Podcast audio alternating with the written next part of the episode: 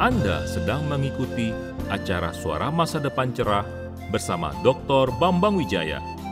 Melalui acara ini, wawasan rohani Anda akan diperluas dan iman serta kasih Anda kepada Tuhan akan diperteguh. Selain program radio ini, Anda juga dapat mengikuti berbagai program inspiratif yang dibawakan oleh Dr. Bambang Wijaya melalui YouTube channel Bambang Wijaya. Selamat mendengarkan. Bagaimana kita melewati hari-hari kita adalah bagaimana kita melewati kehidupan kita. Tulis Annie Dillard, seorang penulis yang sangat terkenal dari Amerika Serikat dan pemenang hadiah Pulitzer dalam bukunya The Writing Life. Sebagai contoh, bila kita mengisi hari-hari kita secara produktif, maka kehidupan kita akan merupakan kehidupan yang produktif. Kalau kita melewati kehidupan sehari-hari dengan penuh keluhan, maka hidup kita tidak lebih dari suatu himpunan keluhan. Melanjutkan apa yang dikemukakan oleh Annie Dillard tadi. Jeff Coins dalam bukunya yang berjudul The In-Between menyimpulkan bahwa life is one big wait. Hidup merupakan suatu penantian yang besar. Suatu penantian yang besar. Sebab kehidupan sehari-hari ini memang dipenuhi dengan penantian menanti dalam antrian di toko, menanti kapan angka usia kita akan bertambah, menanti kapan akhir pekan akan tiba, menanti ini dan menanti itu. Tentu bagi kebanyakan orang, waktu penantian sama sekali bukan waktu yang diinginkan. Senyaman apa pun tempat kita duduk menanti, apabila penantian tersebut berlangsung sangat lama, kita akan merasa lelah juga. Itulah yang saya alami kalau melakukan perjalanan dari Indonesia ke Amerika. Demi memperoleh penerbangan yang murah, acap kali saya menggunakan Turkish Airlines. Dengan konsekuensi, kita harus melakukan transit di Bandara Istanbul selama 11 jam. Memang, saya memegang kartu frequent flyer karena sering terbang dengan Turkish Airlines. Sehingga selama transit di Istanbul, saya dipersilakan untuk masuk ke dalam lounge bagi saudara yang pernah masuk ke lounge dari Turkish Airlines di Bandar Istanbul yang lama, tentu saudara ingat betapa besar dan lengkapnya fasilitas di situ. Kita boleh mengambil makanan dan minuman secara cuma-cuma dan tanpa dibatasi. Namun sudah terbang sepanjang 12 jam dari Jakarta ke Istanbul dan kemudian terbang lagi ke Los Angeles selama hampir 14 jam, tetap saja menanti selama 11 jam di lounge yang nyaman akan merupakan suatu siksaan tersendiri. Hanya saja akan berbeda kisahnya. Kalau saya mengisi 11 jam tersebut dengan seproduktif mungkin. Caranya, saya berupaya untuk tidur dalam pesawat dan bekerja di saat transit. Saya gunakan waktu di transit lounge untuk mengetik dan membuat makalah. Alhasil, waktu transit tersebut tidak terbuang sia-sia. Bukan itu saja. Karena saya dapat tidur selama di pesawat, sehingga ketika tiba di Los Angeles, kondisi saya sudah segar. Tidak terlalu mengalami jet lag dan dapat langsung beraktivitas secara penuh. Singkat kata, apakah waktu transit merupakan waktu yang membosankan dan terasa sia-sia atau tidak?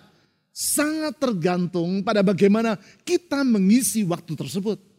Demikian pula dengan kehidupan kita dalam kaitan menunggu penggenapan janji Tuhan bagi kehidupan kita. Merupakan suatu realitas bahwa antara janji Tuhan dengan penggenapan dari janji tersebut terbentang masa antara. Di antara menerima janji Tuhan tersebut dengan penggenapannya. Sehingga kehidupan ini bagaikan orang yang sedang berada di dalam transit, in transit yaitu masa penantian. Menantikan Tuhan menggenapi rencana dan janjinya dalam hidup kita. Bertitik tolak dari situ. Yaitu bahwa sesungguhnya semua orang berada dalam masa penantian atau in transit. Maka di sepanjang bulan ini saya mengajak saudara untuk mempelajari bagaimana seharusnya kita mengisi waktu tersebut dengan benar. Supaya dengan demikian masa penantian tersebut bukan merupakan waktu yang sia-sia namun justru bermanfaat bagi kehidupan kita. Untuk itu kita akan mempelajari bagaimana para tokoh-tokoh dalam Alkitab mengisi waktu penantian yang Allah izinkan mereka untuk melewatinya. Sebab bila kita membaca riwayat hidup para tokoh dalam Alkitab, kita dapat mengambil kesimpulan bahwa tak seorang pun dari mereka yang tidak pernah melewati masa penantian. Justru di dalam masa penantian tersebut Allah membentuk mereka sehingga di kemudian hari mereka disebut sebagai para pahlawan iman. Terlepas dari ketidaksempurnaan mereka sebagai manusia. Mereka adalah orang-orang yang riwayat hidupnya ditulis dalam sejarah dengan tinta emas. Untuk itu, saya mulai dari mengajak saudara untuk melihat kehidupan Abraham. Contoh yang sangat klasik tentang orang yang hidup dalam penantian. Kali ini kita akan melihat apa yang Abraham lakukan dalam masa transit yang ia lewati dalam kehidupannya.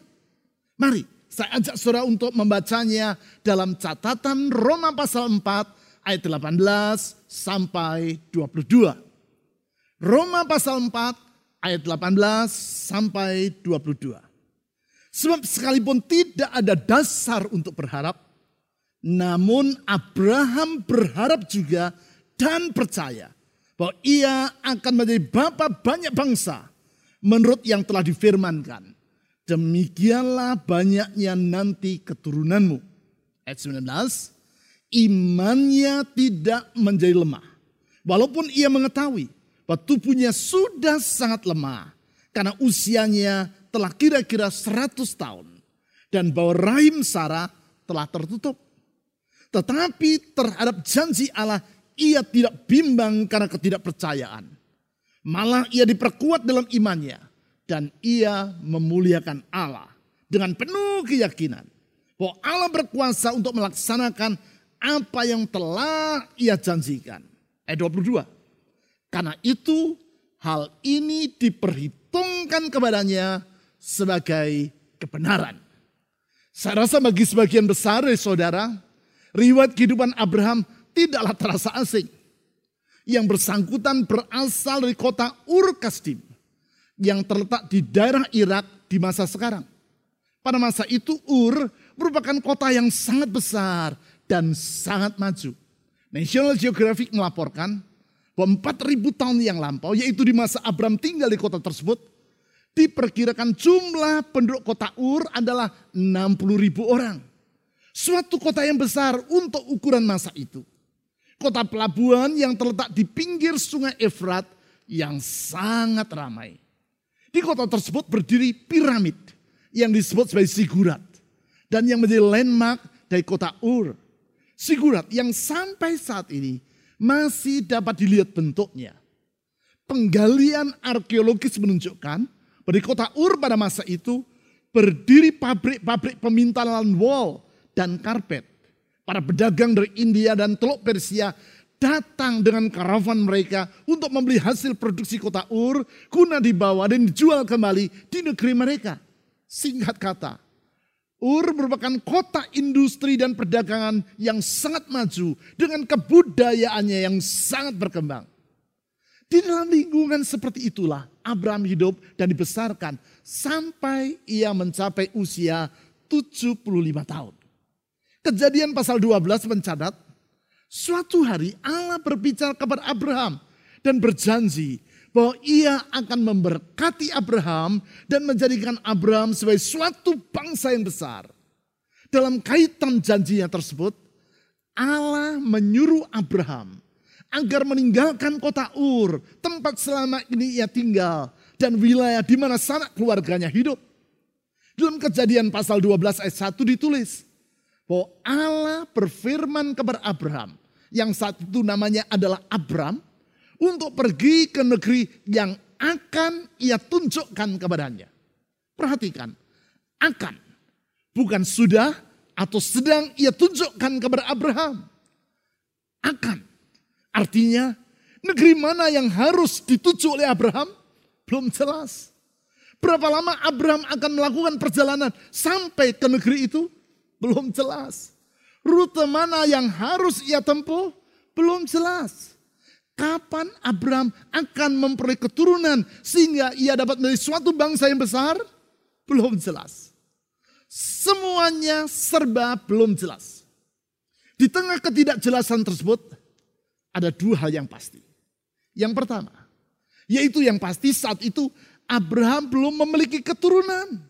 Karena istrinya yaitu Sarah dalam keadaan mandul dan sudah mati haid. Sehingga adalah mustahil bagi Abraham untuk memiliki anak dari Sarah. Artinya janji Allah bersifat kontradiktif dengan keadaan dirinya. Yang kedua, yaitu yang pasti, sekarang Abraham harus hidup dengan berkelana.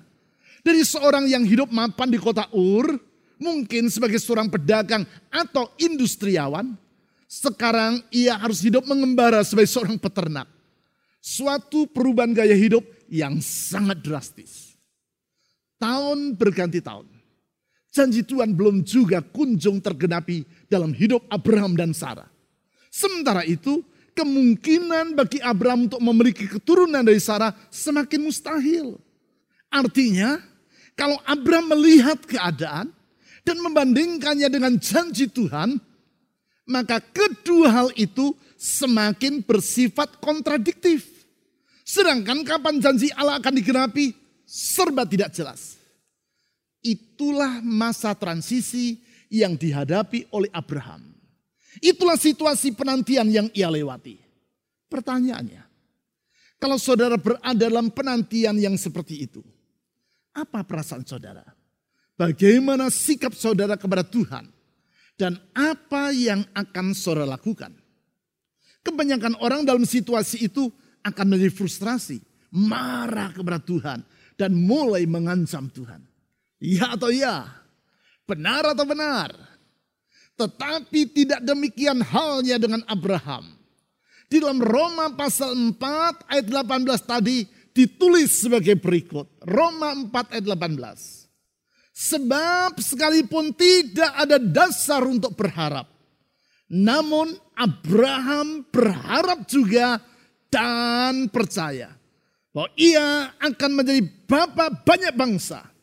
Menurut yang telah difirmankan demikianlah banyaknya nanti keturunanmu. Abraham tidak menjadi putus asa, namun tetap berharap. Walaupun tidak ada dasar untuk berharap, Abraham tetap percaya terhadap janji Tuhan. Tetap berharap dan percaya. Tetap berharap dan percaya. Saya ulang, tetap berharap dan percaya. Berharap dan percaya kepada siapa? Kepada Allah yang berfirman, demikianlah banyaknya nanti keturunanmu. Kepada Allah yang berjanji untuk memberkati dia dan menyuruh dirinya untuk meninggalkan Ur Kasdim.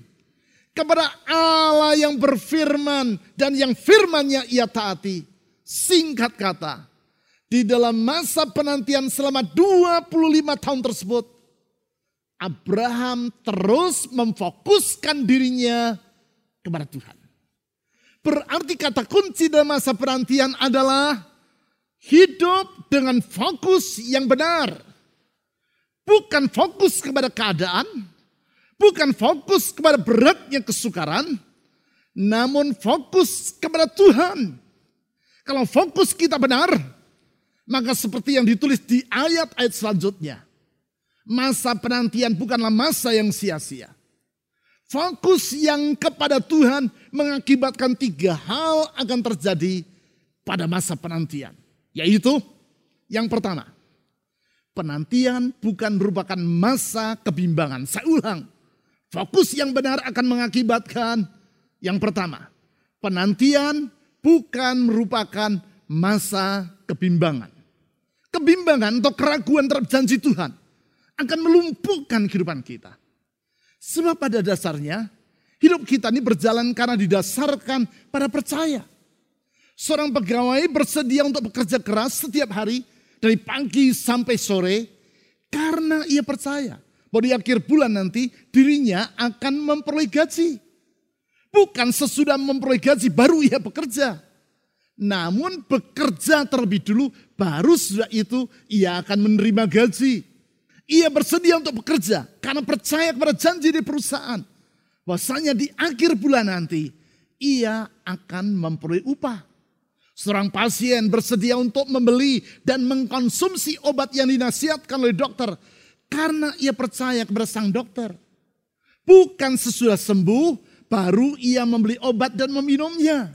Namun sebaliknya, ia membeli obat dan meminumnya sebelum dirinya sembuh. Ia bersedia melakukannya karena ia percaya kepada nasihat dari sang dokter, yaitu bahwa obat yang diberikan oleh sang dokter akan menolong dirinya untuk mengalami kesembuhan. Kalau semisalkan pegawai tadi meragukan janji di perusahaan tempat ia bekerja, maka dapat dipastikan ia tidak bersedia bekerja. Demikian pula kalau semisalkan pasien tadi merasa bimbang terhadap nasihat dari sang dokter, maka dapat diduga ia tidak akan membeli dan meminum obat yang disarankan oleh sang dokter. Masih banyak hal lain yang seperti ini. Orang bersedia untuk naik pesawat udara karena ia tidak meragukan kelaikan dari pesawat yang ia tumpangi. Orang bersedia untuk menggunakan lift karena ia tidak meragukan kekokohan dari lift yang ia gunakan. Orang bersedia untuk menaruh uangnya di bank karena ia tidak meragukan bank tersebut. Masih banyak lagi dan masih banyak lagi hal-hal seperti ini. Singkat kata, kalau orang hidup dalam keraguan, maka dunia ini akan menjadi lumpuh. Semua sistem yang ada, entah itu sistem politik, sosial, ekonomi, dan berbagai sistem yang lain akan tidak berfungsi. Demikian pula kalau hidup kita diwarnai dengan kebimbangan, maka semangat kita akan menjadi lumpuh dan kita tidak dapat mengembangkan potensi yang ada dalam diri kita secara maksimal. Mengapa seseorang hidup dalam kebimbangan? Yaitu kalau ia membandingkan kesukaran dengan kemampuan yang ada pada dirinya. Kalau ia berfokus kepada kesukaran, maka kebimbangan akan dia alami. Sebaliknya, kalau ia berfokus pada Tuhan, maka kebimbangan tidak akan mampu menguasai dirinya. Itulah yang terjadi pada diri Abraham. Sehingga di dalam Roma pasal 4 ayat 20 ditulis. Tetapi terhadap janji Allah ia tidak bimbang karena ketidakpercayaan. Berarti ke mana fokus kehidupan kita terarah. Itulah yang akan menentukan keadaan hati kita. Fokus yang keliru akan membuat kita jadi bimbang. Sedangkan fokus yang benar, yaitu kepada Tuhan, akan memampukan kita untuk hidup mengatasi keraguan. Alhasil, penantian bukan merupakan suatu masa kebimbangan. Selanjutnya, yang kedua, fokus kepada Tuhan mengakibatkan penantian merupakan masa di mana iman diperteguh. Saya ulang, yang kedua, fokus kepada Tuhan mengakibatkan penantian merupakan masa di mana iman diperteguh. Sebab bila kita mengarahkan mata hati kita kepada Tuhan, sehingga kita melihat kebesaran dari kuasa, kasih, hikmat, dan kesetiaannya, bukan saja kebimbangan akan memudar, juga iman kita akan menjadi semakin kokoh. Artinya, seperti yang telah saya utarakan tadi, ke arah mana kita memandang, itulah yang akan menentukan keadaan hati kita termasuk menentukan kondisi iman kita. Karena pada dasarnya iman tidak terlepas dari perspektif atau sudut pandang yang kita ambil. Dan pada gilirannya iman itu yang akan mempengaruhi tindakan-tindakan yang kita lakukan. Tentu sudah masih ingat kisah yang beberapa kali pernah saya ceritakan. Kisah tentang dua orang salesman sepatu yang bekerja di dua perusahaan yang berbeda. Dan yang dikirim oleh perusahaan mereka ke sebuah pulau yang sama pada waktu yang bersamaan dengan tujuan yang sama, yaitu untuk memasarkan sepatu di pulau tersebut. Sesudah sekian waktu mereka berada di pulau tadi, salesman yang pertama mengirim berita ke kantornya. Saya akan segera meninggalkan pulau ini dan pulang. Tidak ada gunanya untuk tinggal berlama-lama di sini. Karena tidak seorang pun di pulau ini yang mengenakan sepatu. Di hari yang sama, salesman yang kedua juga mengirim berita ke kantornya. Berita yang sama sekali berbeda dengan yang dikirim oleh salesman yang pertama. Berita yang berbunyi, kirimlah 10 ribu pasang sepatu ke pulau ini. Tidak seorang pun di sini yang sudah mengenakan sepatu. Saya akan tinggal di sini agak lama untuk memasarkan 10 ribu pasang sepatu itu. Pulau yang sama, penduduk yang sama, kondisi yang sama, namun keputusan yang diambil oleh kedua salesman ini berbeda. Apakah yang menjadi penyebabnya? Perbedaan perspektif di antara mereka. Sebagai akibat, yang seorang percaya bahwa tidak ada gunanya untuk tinggal berlama-lama di pulau itu Sedangkan yang seorang lagi justru meyakini bahwa di hadapannya sedang terbuka kesempatan untuk memasarkan sepatu secara luas. Dapat diduga bahwa tindakan yang berbeda ini akan mengakibatkan hasil yang mereka peroleh juga tidak sama. Kalau saja semisalkan Abraham memfokuskan pandangannya kepada kondisi dirinya, yaitu kemandulan dari istrinya dan usia mereka berdua yang sudah lanjut, kemudian membandingkan kondisi tersebut dengan keberadaan dirinya yang belum memiliki keturunan, maka ia akan hidup dalam keputusasaan. Tetapi bukan itu yang dilakukan oleh Abraham. Ia memfokuskan pandangannya kepada Allah. Sebagai akibat, di dalam Roma pasal 4 ayat 20 tadi ditulis. Tetapi terhadap janji Allah, ia tidak bimbang karena ketidakpercayaan. Perhatikan, malah ia diperkuat dalam imannya. Sebaliknya dibimbang karena ketidakpercayaan, masa penantian yang ia lewati justru merupakan masa di mana dirinya diperkuat imannya. Sebaliknya dari hidup dalam keraguan, masa penantian merupakan masa di mana imannya diperteguh. Iman yang membuka pintu bagi Abraham untuk mengalami janji Tuhan. Iman yang mengakibatkan Abraham hidup secara maksimal. Kalau sekarang sudah memahami pentingnya perspektif atau fokus yang benar bagi kehidupanmu, utarakan hal tersebut pada kolom komen di YouTube channel yang sedang sudah ikuti ini. Tulislah kalimat, hidup yang berkemenangan adalah karena memandang kepada Tuhan dan bukan kepada besarnya masalah. Atau kalimat yang lain yang mengungkapkan imanmu kepada Tuhan. Sekarang yang ketiga, fokus kepada Tuhan mengakibatkan penantian merupakan masa untuk memuliakan Tuhan. Saya ulang, yang ketiga, fokus kepada Tuhan mengakibatkan penantian merupakan masa untuk memuliakan Tuhan. Tentang hal ini kita perlu memahami bahwa dalam memuliakan atau memuji Tuhan, sebenarnya kita bukan hanya berbicara kepada Allah yang kita puji saja. Tetapi kita juga berbicara kepada diri kita sendiri. Kita Mazmur penuh dengan contoh tentang hal tersebut. Lihat Mazmur pasal 108 ayat 2. Di dalam satu ayat tersebut, Daud berbicara kepada Allah dengan berkata, hatiku siap ya Allah. Aku mau menyanyi, aku mau bermasmur.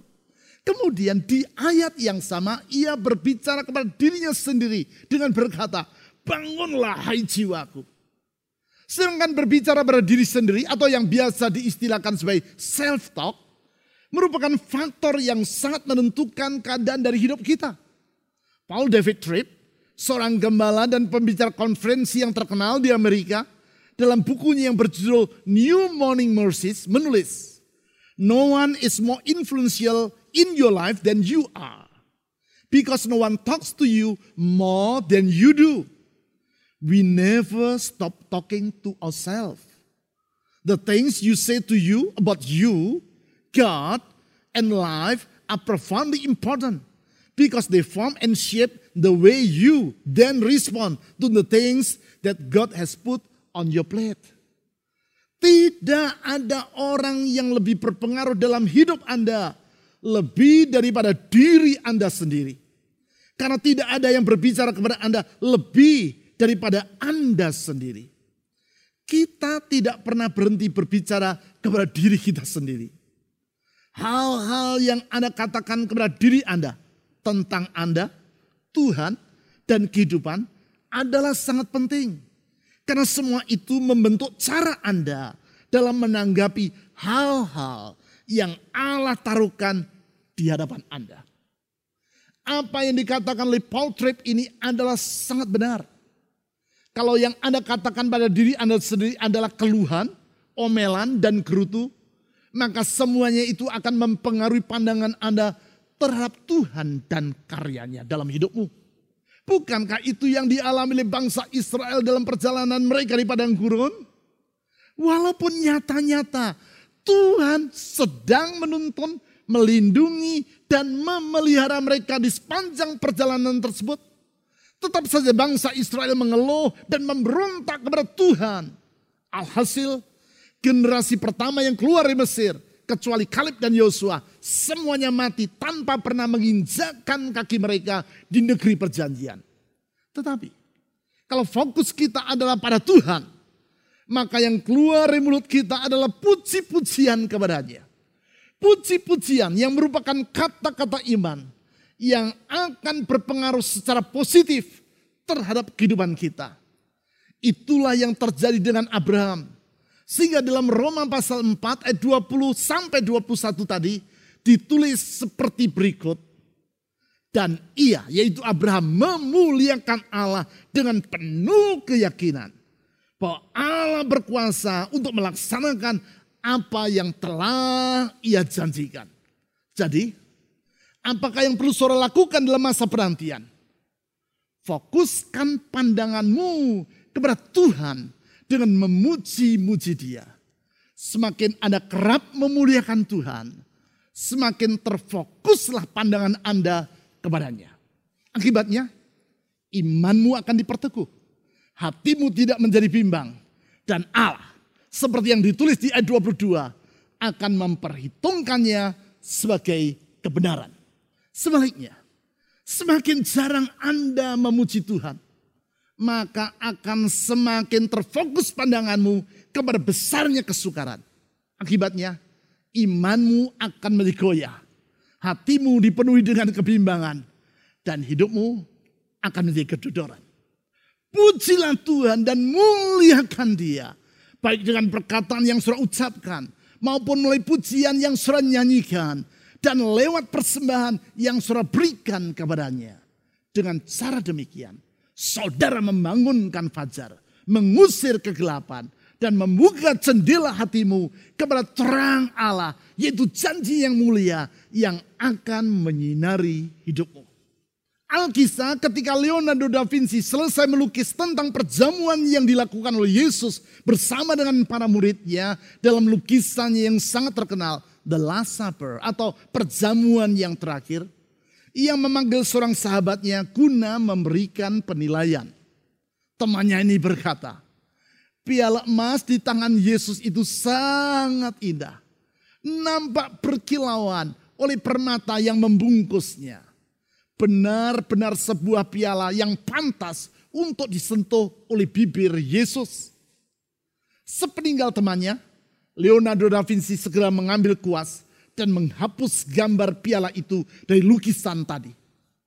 Beberapa waktu kemudian, ketika temannya datang kembali dan bertanya, mengapa Leonardo menghapus gambar piala yang sangat indah tadi? Leonardo menjawab, tidak satupun yang boleh mengalihkan perhatian kita dari Kristus. Bagi Leonardo da Vinci, ketika orang melihat lukisan The Last Supper, mereka harus memfokuskan diri pada Yesus dan bukan kepada hal-hal yang lain, seindah apa pun hal itu. Ya, di dalam masa penantian, di masa transit antara janji Tuhan dan penggenapan dari janjinya, Fokuskan pandanganmu kepada Tuhan. Fokuskan melalui banyak memuji Yesus Kristus. Sebagai akibat, kebimbangan akan sirna dari dalam hidupmu. Dan imanmu akan diperteguh. Dengan demikian, masa penantian akan sore lewati dengan hati yang teduh dan hidupmu akan menjadi semakin bermakna.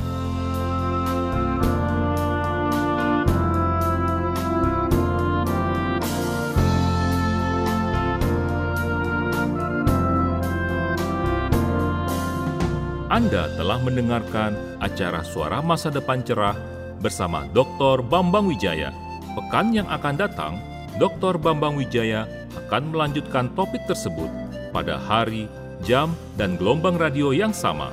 Pastikan Anda mengikutinya. Selain program ini, Anda juga dapat mengikuti berbagai program inspiratif yang dibawakan oleh Dr. Bambang Wijaya melalui YouTube channel Bambang Wijaya. Program-program video di dalam kanal YouTube Bambang Wijaya tersebut akan meneguhkan iman Anda. Bila Anda ingin menghubungi Dr. Bambang Wijaya, silahkan Anda menghubunginya melalui WA ke nomor telepon 0811 309 077. Sampai berjumpa pada pekan yang akan datang. Tuhan memberkati.